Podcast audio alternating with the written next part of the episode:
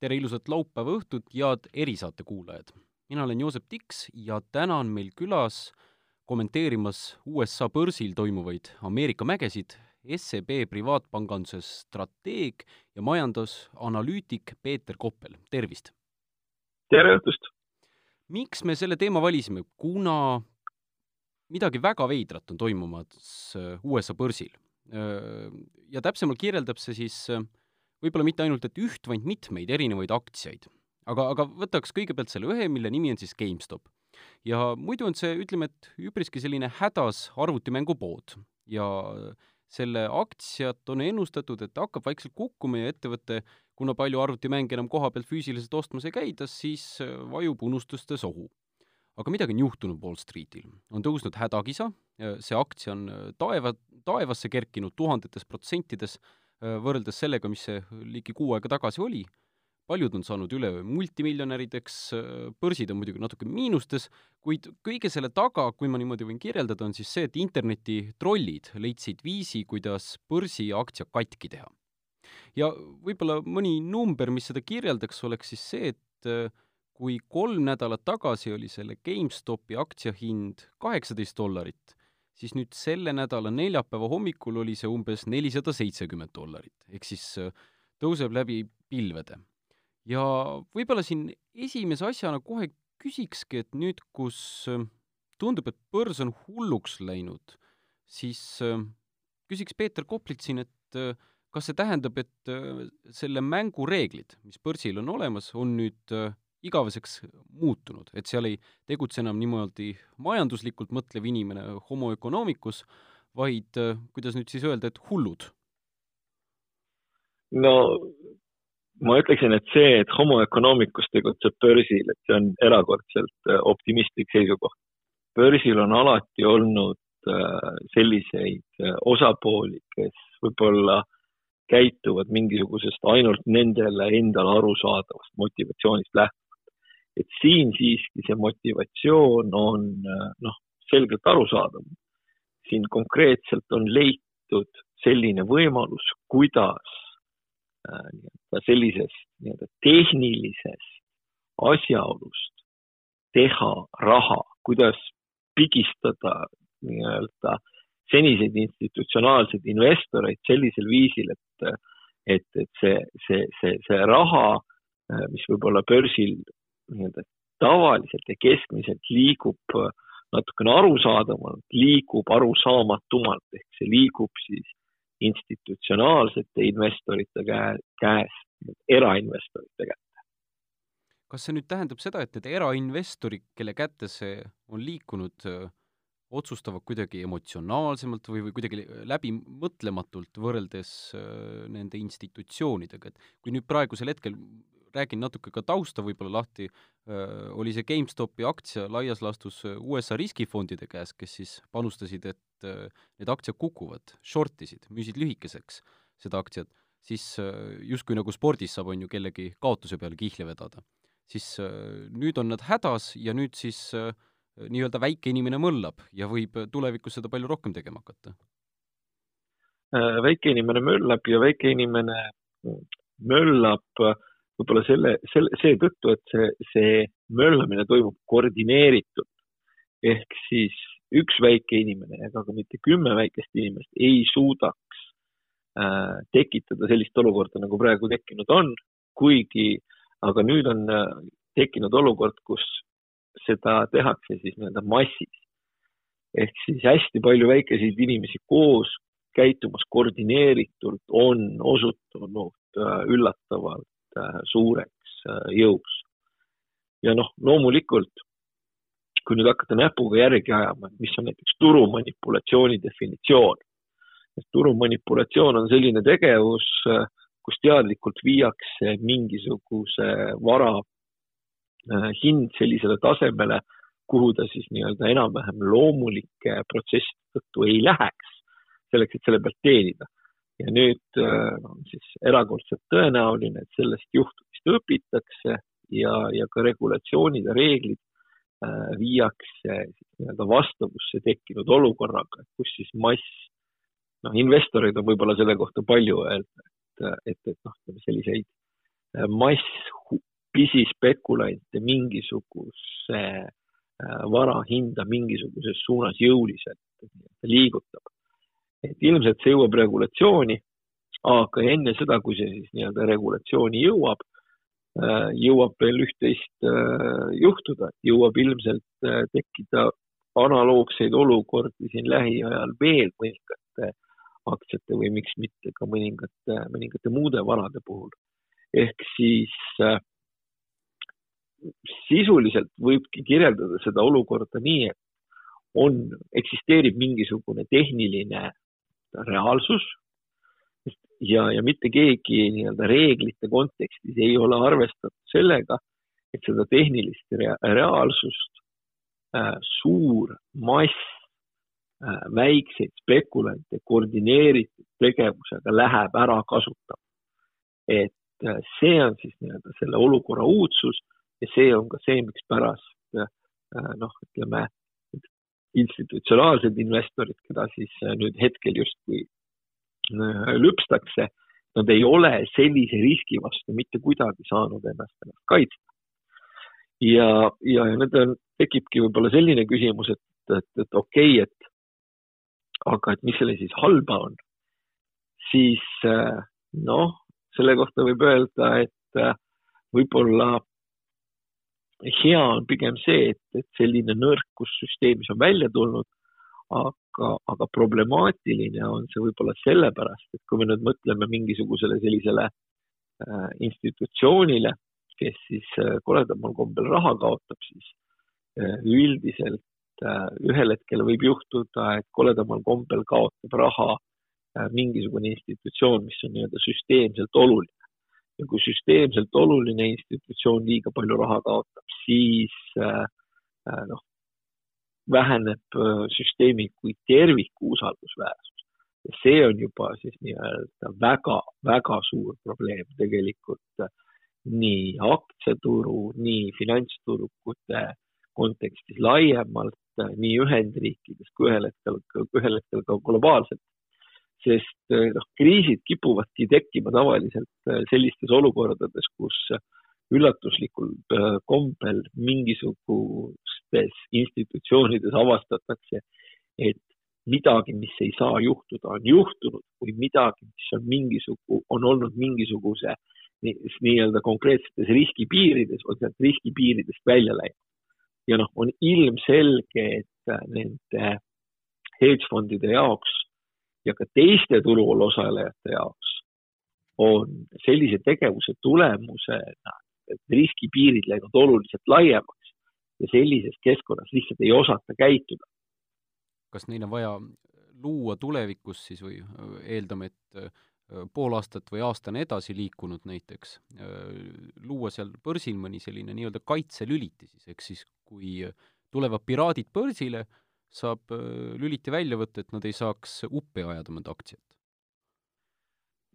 no ilmselt küll, ilmselt need reeglid sellises suunas liiguvad, et esiteks nii noh, lühikeseks müümisele väga suure tõenäosusega tulevad mingisugused äh, piirangud peale ja teiseks äh, noh, jällegi, et äh, nagu ma ütlesin, et kui hakata nüüd vaatama turumanipulatsiooni definitsiooni, siis sellise tegevuse ilmselt äh, noh, on võimalik seda sellist tegevust klassifitseerida turumanipulatsiooniks. turumanipulatsioon on miski, mis on äh, keelatud ja, ja karistatav. lihtsalt äh, varasemalt ei ole selle peale tuldud, et ka sellist konkreetset tegevust, mida me siin nii-öelda viimasel ajal näinud oleme, seda oleks võinud nii-öelda turumanipulatsiooni regulatsioonis ette näha, et see oleks võinud äh, varasemalt juba defineeritud olla. et noh, inimesed kipuvad olema, kipuvad olema nutikad ja, ja, ja reegel, seadus ja regulatsioon on alati, alati nii-öelda vähemalt nagu poolteist kuni kaks sammu inimese, inimeste päris tegevusest maas, nii et. kui ma õigesti aru saan, siis see Redditi grupp, kus see plaan podisema hakkas, et seal algas see pahameel ka sellest, et justkui need lühikeseks müüjad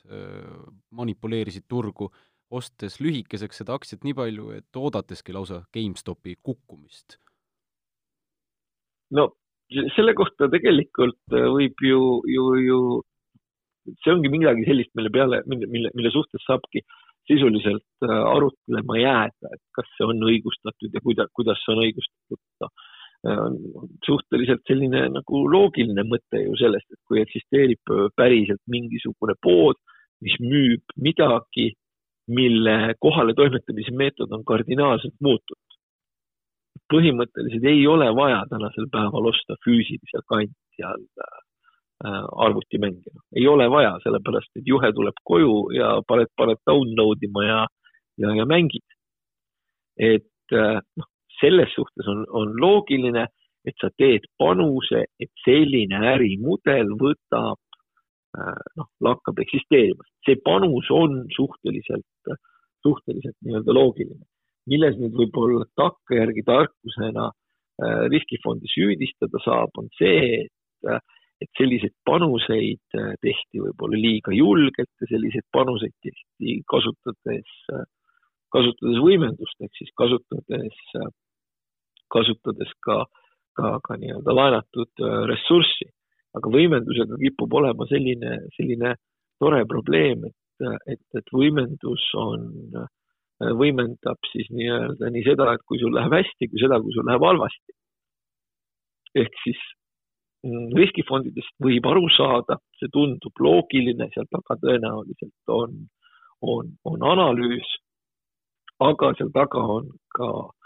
ka, ka võib-olla selline julgus, natukene liiga palju, natukene liiga palju mastaapsust sellel tegevusel. ja siis tekibki selline ideaalne kontekst just nimelt tehniliselt selleks, kus on võimalik neid, neid, neid, neid pitsitama hakata nii, et nad siis peavad oma lühikesi positsioone sulgema, ostes sisuliselt äh, kahjumi vältimiseks sedasama aktsiat üha kõrgemalt, üha kõrgemalt, üha kõrgemalt mm. -hmm räägiks natuke nendest äh, nii-öelda Robin Hoodidest ka või kuidas ma, õigem oleks nende kohta nimetada, kas trollid või, või Redditi kasutajad või Robin Hoodid, et äh, mis see fenomen omaette on, on ju see, et nii nagu te enne ütlesite, organiseeritult on hakatud äh, vaatama, et mida saaks teha aktsiaturul. ja praegu tundub, et need, kuna ligipääs on ka nii palju kergem ja on olemas e-toorud ja Robinhoodid ja kõik sellised äh, telefoniäpid, kus saab äh, kiiresti endale mõnusasti aktsiat soetada, siis äh, tundub, et aina ostetakse, ostetakse ja ostetakse, kuna ligipääs on nii palju parem turule. aga see kõlab nagu mull, mis võib väga kergesti lõhkeda, et, et korraks, kui isegi jätame selle GameStopi kõrvale, vaid juba selle potentsiaali osta midagi nii palju üles puhtalt emotsioonilt siis äh, kas seda ei peaks kuidagi jahutama hakkama või, või kas seal oleks mingisugust põhjust nende ähm, Robin Hoodide või börsipiraatide või trollide või kuidas keegi armastaks nimetada, ähm, tegevust piirama hakata? noh, selles mõttes äh, kindlasti keegi tahaks nende tegevust piirata, aga neid on suhteliselt raske võib-olla sellises kontekstis äh, määratleda, sellepärast et noh, ütleme, kui,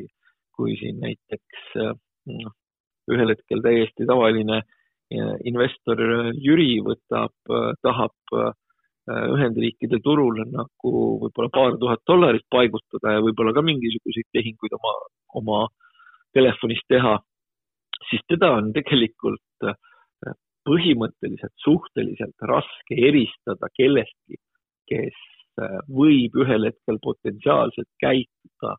nii-öelda kahtlasemalt. aga ma olen äh, ma olen äh, jällegi ka suhteliselt veendunud äh, selles, et äh, ka sellises kontekstis ilmselt see regulatsioon selgelt, selgelt karmistub. Et võib-olla just nimelt igasugune selline näiteks võimenduse kasutamine tehingute tegemisel, et selle kättesaadavus väiksemate summade puhul võib, võib, võib, võib muutuda problemaatiliseks. Ja teine asi, mis muidugi on, on, on ka kindlasti sellist võib-olla noh, mull on võib-olla mingisugustes äh, noh, me ei saa võib-olla tervikust, noh, tervikut, turu tervikuna nagu mullist rääkida, aga mulli on kindlasti ka toitnud see, et millises keskkonnas me, me, me elame, me elame sellises keskkonnas, kus, kus, eks ole, ühest küljest on, on, on, on, on tervisekriis, aga teisest küljest ega majanduses ka nüüd nagu nii hästi kõik ei ole. Et noh, rahatrükk on kestnud ikkagi juba aastaid, intressimäärad on erakordselt madalad ja seda likviidsust, mis nii-öelda süsteemis ringi rullib ja, ja tootlust otsib, et seda on äh, väga nii-öelda varasemaga võrreldes nagu, nagu väga, väga palju. et ka see keskpankade tegevus on, on paljultki selle börsi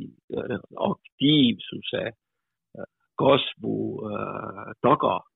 ja, ja, ja ka, ka, ka võib öelda, et, et noh, selge on ju ikkagi ka see, et, et äh, kui me nüüd nagu mõtleme hästi loogiliselt, jällegi tavainimene, võtame sellesama Jüri, kui seesama Jüri võiks paigutada, hoida enda raha kontol ja saada intressi võib-olla nii-öelda kolm-neli, võib-olla viis protsenti, et siis äh, see raha, mida ta siis nii-öelda turule paigutaks, et seda oleks tõenäoliselt vähem, sellepärast et äkki ta oleks selle kolme, nelja, viie protsendiga, äh, protsendiga rahul, aga kui ta saab null koma null viis protsenti, siis jällegi see täiesti tavaline Jüri äh, võib äh, minna kas siis investeerima, mida ei saa talle sugugi pahaks panna, või, või spekuleerima, mida ka ei saa talle sugugi pahaks panna. et siin on mitmete selliste Äh, faktorite koosmõju, millest nagu üks olulisemaid on ikkagi see, et kui palju seda trükitud raha siis on tegelikult otsimas, otsimas äh, tootlust. Kas see kuidagi paigutub ka suuremasse pilti või ta on pigem selline, ütleme, need üksikinvestorid, kes on nüüd turule tekkinud, pigem selline mõõduv nähtus? no selles mõttes, et sellises, kui, kui me edasi räägime, et see rahatrükk kui selline jätkub, et siis äh, noh, vaevalt, et ta, vaevalt, et ta mööduv nähtus on. võib-olla üks nähtus, mis võib olla natukene mööduv, on äh, see, need erinevad äpid, mis on võimaldanud äh, turule ligipääsu sõna otseses mõttes tasuta. et see võib olla midagi sellist, mis, mis on mööduv nähtus vähemalt oma praeguses vormis. sellepärast, et noh, siin võib-olla iga kasutaja ja, ja võib-olla ka selline jällegi ka regulaator peab mõtlema selgelt sellele, et, et noh, iga tehinguga tegelikult kaasneb kulu. Et on noh, vastavad süsteemid, vastav infrastruktuur eksisteerib, äh, aktsiad peavad liikuma, raha peab liikuma, keegi peab börsi korraldama, kõik, kõik, kõik, kõik, kõik. see tähendab seda, et iga tehinguga tegelikult mingisugune kulu kaasneb ja kui nüüd seda teenust pakutakse tasuta, siis selle teenuse kasutaja peaks nagu selgelt välja mõtlema, et aga kus siin see trikk on. sest üldiselt kipub olema nii, et tasuta juust on ainult äh, äh hiirelõksus. ma ei ürita siin mitte kuidagi äh, teha selgeks, et äh, tehinguid tuleb teha selliste maaklejate juures, kes hirmsamal kombel nagu raha võtavad, vaid ma lihtsalt üritan väita seda, et kuskilt peab ju see teenuse osutaja selle tulu teenima ja seda peaks see teenuse kasutaja nagu mõtlema, et kuskohast see tulu teenitakse. ja kui teenuse kasutaja sellele ei mõtle, siis sellele ühel hetkel mõtleb sellele regulaator ja, ja võib-olla see ärimudel, kus tasuta on võimalik sellist teenust osutada, võib-olla see tõesti on ajutine see kõlab nagu väga palju vihjeid, et tõesti, ku-, kuidas need e-torud ja Robinhoodid äh, oma tulu saavad siis sealt, kas nad ei saa seda lihtsalt palju või, või tuleb neil ikkagi nendest aktsionäridest mingisugune kopikas? noh, selle kohta võib öelda seda, et noh, mis on maailmas tänapäeval väärtuslik. maailmas on tänapäeval väärtuslik andmed ja noh, selles mõttes, et andmed selle kohta, kuidas teatud investori grupp ehk siis need antud juhul, kes võib-olla tasuta tehinguid tahavad teha, et kuidas need käituvad ju need andmed on siis kellelegi piisavalt palju väärt. siin nüüd mõned päevad tagasi sedasama Robinhoodi kritiseeriti erinevate USA poliitikute poolt ka, olgu nad siis ühest äärmusest või teisest äärmusest, et seal oli näiteks äh, see Ocasio-Cortez, kes on äh, demokraatide võib-olla pigem äärmuslik näide ja Ted Cruz, kes on siis võib-olla vabariiklaste natuke äärmuslikum näide, aga mõlemale oli vastukarva see, et äh, Robin Hood otsustas oma platvormi kinni panna, et keegi ei saaks äh, juurde osta seda GameStopi aktsiat. ja nüüd äh, said nad vist mil-, miljardise süsti ja siis sai, tegid uuesti platvormi lahti. Aga tundub, et see Robinhood ka ikkagi tegelikult tegutseb mingisuguste turutingimuste nõudmises, et, et kel-, kellegi tagatis peab tal olema, et ta saaks lubada üldse nende väikeaktsionäride tulekut turule? no täpselt nii, et selles mõttes, et noh, nagu ma ütlesin, et tegemist on ikkagi sellise konkreetse süsteemiga, kus on konkreetsed reeglid, kus raha liigub konkreetsetes kanalites kus äh, siis nii-öelda keegi sõna otseses mõttes kulutab selleks, et seda süsteemi püsti hoida. ja, ja loomulikult see tähendab ka seda, et kui keegi siis nii-öelda oma juhtme tahab selle süsteemi külge lükata, siis see, selle äh, nii-öelda institutsiooni taust, olgu see siis Robinhood või kes iganes, peab olema nii-öelda piisav selleks, et ta suudaks kõikide nende kohustustega toime tulla, mis selles süsteemis osalemine eeldab ja, ja, ja kauplemise kinnipanemise taustal võib väga suure tõenäosusega näha seda, et, et tekkis küsimusi, et kas Robinhood suudab seda teha. ja, ja selles mõttes noh, ütleme paanikas inimesed ikka teevad huvitavaid otsuseid ja kõige lihtsam sageli võibki olla paanikas tehtud otsus, et, et kui me näeme, et miski meile konkreetselt haiget teeb, et siis me võtame äh, lähme suure punase rubilniku juurde ja lükkame selle teise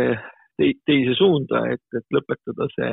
lõpetada seda, see protsess ära ja siis hakkame takkajärgi mõtlema, et, et võib-olla, võib-olla see, et me selle rubilniku sinna suunas lükkasime, võib-olla põhjustas hoopis rohkem kahju. aga noh, seda jällegi, seda rubilnikut lükates keegi sellel hetkel ei tea. nii et äh, jah, problemaatiline on see, et, et nagu ma ütlesin, et see süsteem eksisteerib, süsteemi hoitakse üleval, süsteem on kulukas. kui tahta olla selle süsteemi osaline, siis tuleb täita reegleid, peab eksisteerima piisavalt, piisav usaldusväärsus. kui seda piisavat usaldusväärsust ei ole, siis äh, ühel hetkel võib-olla keegi teine tõmbab selle stepsli äh, sellelt äh, nii-öelda reegleid mitte täitvalt tegelaselt välja. ja, ja, ja noh, ütleme nii, et millega tegelikult äh, see, see, see süsteem, mida ma kirjeldasin, ei, ei kipu eriti tõesti toime tulema. ei kipu toime tulema sellega, et, et kui keegi noh, on, kui on toimunud tehinguid ja liikuma peaks raha ja aktsiad, et siis emad-kummad nagu liikumata jäävad mingisugusel põhjusel, selle, sellepärast et keegi oma, oma, oma kohustustega toime ei tule. see on midagi sellist, mis, mida mitte, mitte keegi ei taha mm. -hmm aga praegu tundub muidugi kõige kehvemad kaardid ja võib-olla kõige näotum on olukord äh, riskifondidel, et äh, nemad ju peavad oma lühikeseks müüdud aktsiad, äh, neist tuleb kähku vabaneda, ühesõnaga, et, et kuidas nad seda üldse praegu teevad või, või mis juhtub, kui nad sellega toime ei tule? noh, ütleme niimoodi, et lühikeseks müümine ju tähendab seda, et oletame, et turul on hind kümme ja, ja sa vaatad ettevõttele ei lähe hästi, teed analüüsi ja leiad, võiks olla võib-olla aktsia hind võiks olla näiteks kuus, siis sa laenad need aktsiad, müüd need ära kümnega ja ootad, et nad kukuks ja ostad asemele kuuega ja siis see vahe neli jääb sulle, miinus teenustasud. no see on lühikeseks müümise nii-öelda põhimõte. nii, aga kui on ühel hetkel hind üksteist, ühel hetkel kaksteist, ühel hetkel kolmteist, siis sa põhimõtteliselt kogu aeg kaotad. nii, ja kui aktsia hinna langus on piiritletud siis nii-öelda nulliga, siis teoreetilist ülempiiri ei ole. ja nüüd nende lühikeste positsioonide likvideerimiseks nad peavadki siis nii-öelda ostma neid nii-öelda asemele, selleks, et need tagasi anda neile, kelle käest nad need on laenanud. ja see on selles mõttes nende jaoks nagu selgelt ebameeldiv, sellepärast et kui keegi on äh, seitsmeteistkümne dollarilist aktsiat äh, lühikeseks müünud ja ühel hetkel see maksab nelisada, siis äh, noh, selle teekonna käigus seitseteist kuni nelisada on ta ilmselt kaotanud väga palju raha. nüüd noh, hea küll, ta on kaotanud väga palju raha, aga sellel on siis nii-öelda selline nakkav või spillover efekt. ehk ta ei ole arvestanud sellega, et tal selline auk tekib, ta ei ole arvestanud, et ta nii palju raha kaotab. et selleks, et seda auku täita, võib juhtuda selline ebameeldiv asi, et äh, ta müüb selliseid aktsiaid, kus ta ei ole lühike, vaid kus tal on pikk positsioon, mida ta muidu ei, absoluutselt ei, ei, ei kavatseks müüa. ja kui nüüd ütleme selliseid riskifonde on mitu, kellel on siis nii-öelda selle lühikeseks müügipitsitusega tekkinud mingisugune auk, seda auku nad mingisuguse, üritavad äh, täita mingisuguste muude varade müügiga, siis see on midagi sellist, mis on siis nii-öelda võib-olla turu jaoks juba probleem. Ehk siis mingite aktsiate puhul hinnatasemed võivad liikuda allapoole. see on esimene probleem. teine probleem on see, et selliste järskude liikumistega võtab, kasvab selline asi nagu, nagu volatiilsus, et ütleme siis nende hindade heitlikkus, kui, kui, kui, kui tohib seda niimoodi nimetada. ja hindade heitlikkus on midagi selline, sellist,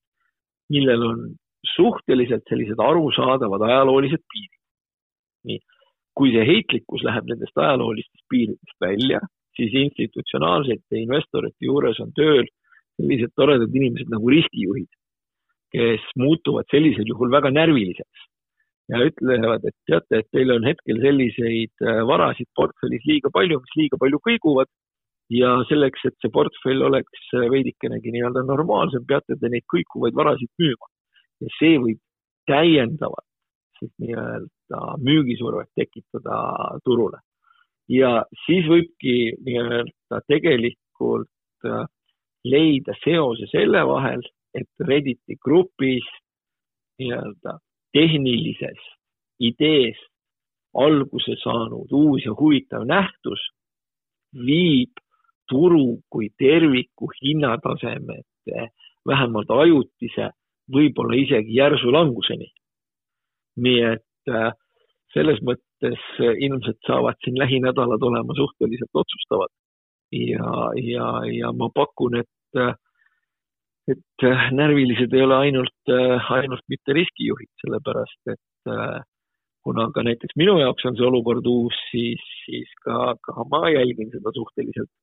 pingsalt ja ega mulle selline volatiilsuse kasv kindlasti ei meeldi. see tuleb kindlasti ka mingi kordajaga, et mitte ainult ei müü oma neid riskantseid ära, vaid ostad veel kuskilt juurde ja, teised aktsiad muutuvad seda võrra, selle võrra veel riskantsemateks ja nii edasi, edasi, et kas see võib olla äh, midagi, mille, millest me kunagi saja aasta pärast ajalooõpikutest loeme, et, et äh, nii nagu mingi raadiokompanii kukkumine seal kolmekümnendad, kahekümne üheksandal aastal võis börsi mõjutama hakata, nõnda võis see Redditi grupp äh, börsile teha ühe tohutu äh, augu sisse.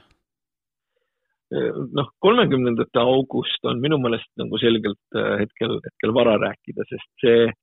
see on, noh, me elame täiesti teistsugusel ajal ja me elame just nimelt, noh, ma seda rahatrükki juba mainisin.